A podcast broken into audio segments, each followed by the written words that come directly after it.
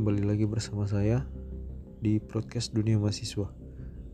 Pada podcast kemarin saya telah membahas tentang identitas mahasiswa dan pada podcast kali ini di episode kedua saya akan coba membahas dan sharing lagi kepada teman-teman tentang peran dan fungsi mahasiswa sebagai generasi penerus.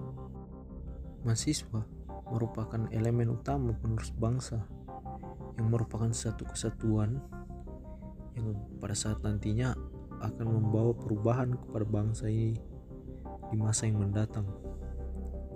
Mahasiswa dikenal dengan pemikirannya yang sangat kritis, demokratis, dan juga konstruktif. Suara-suara mahasiswa biasanya dianggap sebagai realitas sosial yang ada di lingkungan masyarakat sehingga sangat pantas jika mahasiswa dianggap sebagai roda penggerak bangsa.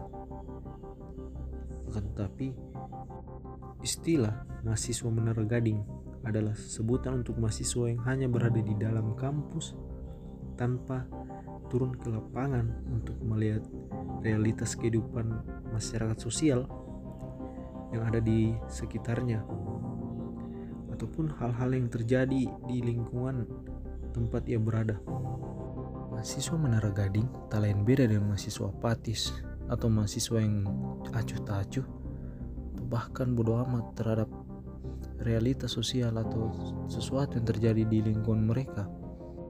Mahasiswa Menara Gading atau mahasiswa apatis mereka hanya sibuk dengan belajar, belajar, belajar tanpa merasakan hal-hal yang di luar teo dari teori yang mereka terima di dalam kampus bahkan mahasiswa apatis ini sama sekali tak peduli dengan kehidupan di luar sana kehidupan lingkungan tempat dia berada dia sama sekali tak peduli. Acuh tak acuh bodoh amat terhadap apa yang terjadi. Kembali lagi ke topik peran dan fungsi mahasiswa sebagai generasi penerus. Di sini saya memiliki empat poin untuk saya sampaikan kepada teman-teman pendengar. Poin pertama sebagai penyampai kebenaran mahasiswa itu adalah seorang yang ditugaskan untuk menyampaikan suatu kebenaran. Walaupun negeri ini diselimuti oleh berbagai permasalahan bangsa yang sangat kompleks, mahasiswa selalu berada di jalur terdepan untuk menyampaikan kebenaran-kebenaran dan realita yang mereka dapatkan. Meski harus dihadapi oleh hambatan-hambatan yang sebenarnya itulah hambatan yang menghambat negeri ini untuk maju oleh pihak-pihak yang memiliki kepentingan-kepentingan untuk menerka pergerakan mahasiswa. Akan tetapi mahasiswa tidak pernah berhenti untuk menyampaikan suatu kebenaran yang mereka dapat. Poin kedua yaitu agent of change atau mahasiswa sebagai agen perubahan. Jadi mahasiswa merupakan agen-agen yang akan merubah bangsa ke depannya.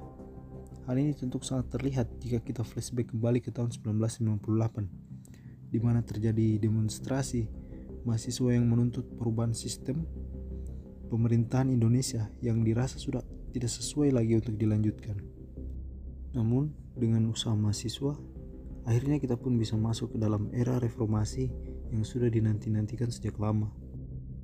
Lanjut, poin ketiga, sebagai generasi penerus masa depan, Iron of Stock dengan intelektual seorang mahasiswa yang mumpuni dan juga soft skill yang cukup, maka sudah tidak diragukan lagi mahasiswa diformulasikan untuk melanjutkan sebagai generasi penerus bangsa.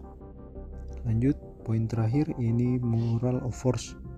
Mahasiswa harus mempunyai moral yang baik agar bisa mampu merubah bangsa ke arah yang lebih baik. Apalagi seperti kondisi bangsa yang saat ini, yang selalu kita lihat di televisi, radio, bahkan pun di media sosial tentang kasus korupsi, penyelundupan narkoba, dan hal-hal lainnya. Mahasiswa sebagai generasi penerus bangsa diharapkan memiliki akhlak terpuji dan moral yang baik dengan harapan ketika mereka menempati posisi pemerintahan hal yang tidak diinginkan seperti kasus korupsi, penyelundupan narkoba, dan hal-hal yang dianggap menyimpang bisa dihapuskan Seorang mahasiswa dituntut untuk memberikan teladan yang baik demi perubahan bangsa. Moral force inilah yang akan menumbuhkan jiwa leadership ataupun jiwa kepemimpinan dalam benak mahasiswa. Tentunya dengan jiwa leadership yang akan menjadikan mahasiswa sebagai teladan yang baik sebagai penerus generasi bangsa Indonesia ke depannya. Mungkin podcast kali ini sampai di sini dulu. Pembahasan kita ataupun sharing-sharing seputar peran dan fungsi mahasiswa sebagai generasi penerus. Jadi saya di sini tadi menyampaikan empat poin. Yang pertama, peran mahasiswa itu sebagai penyampai kebenaran. Yang kedua, peran mahasiswa sebagai agen of change.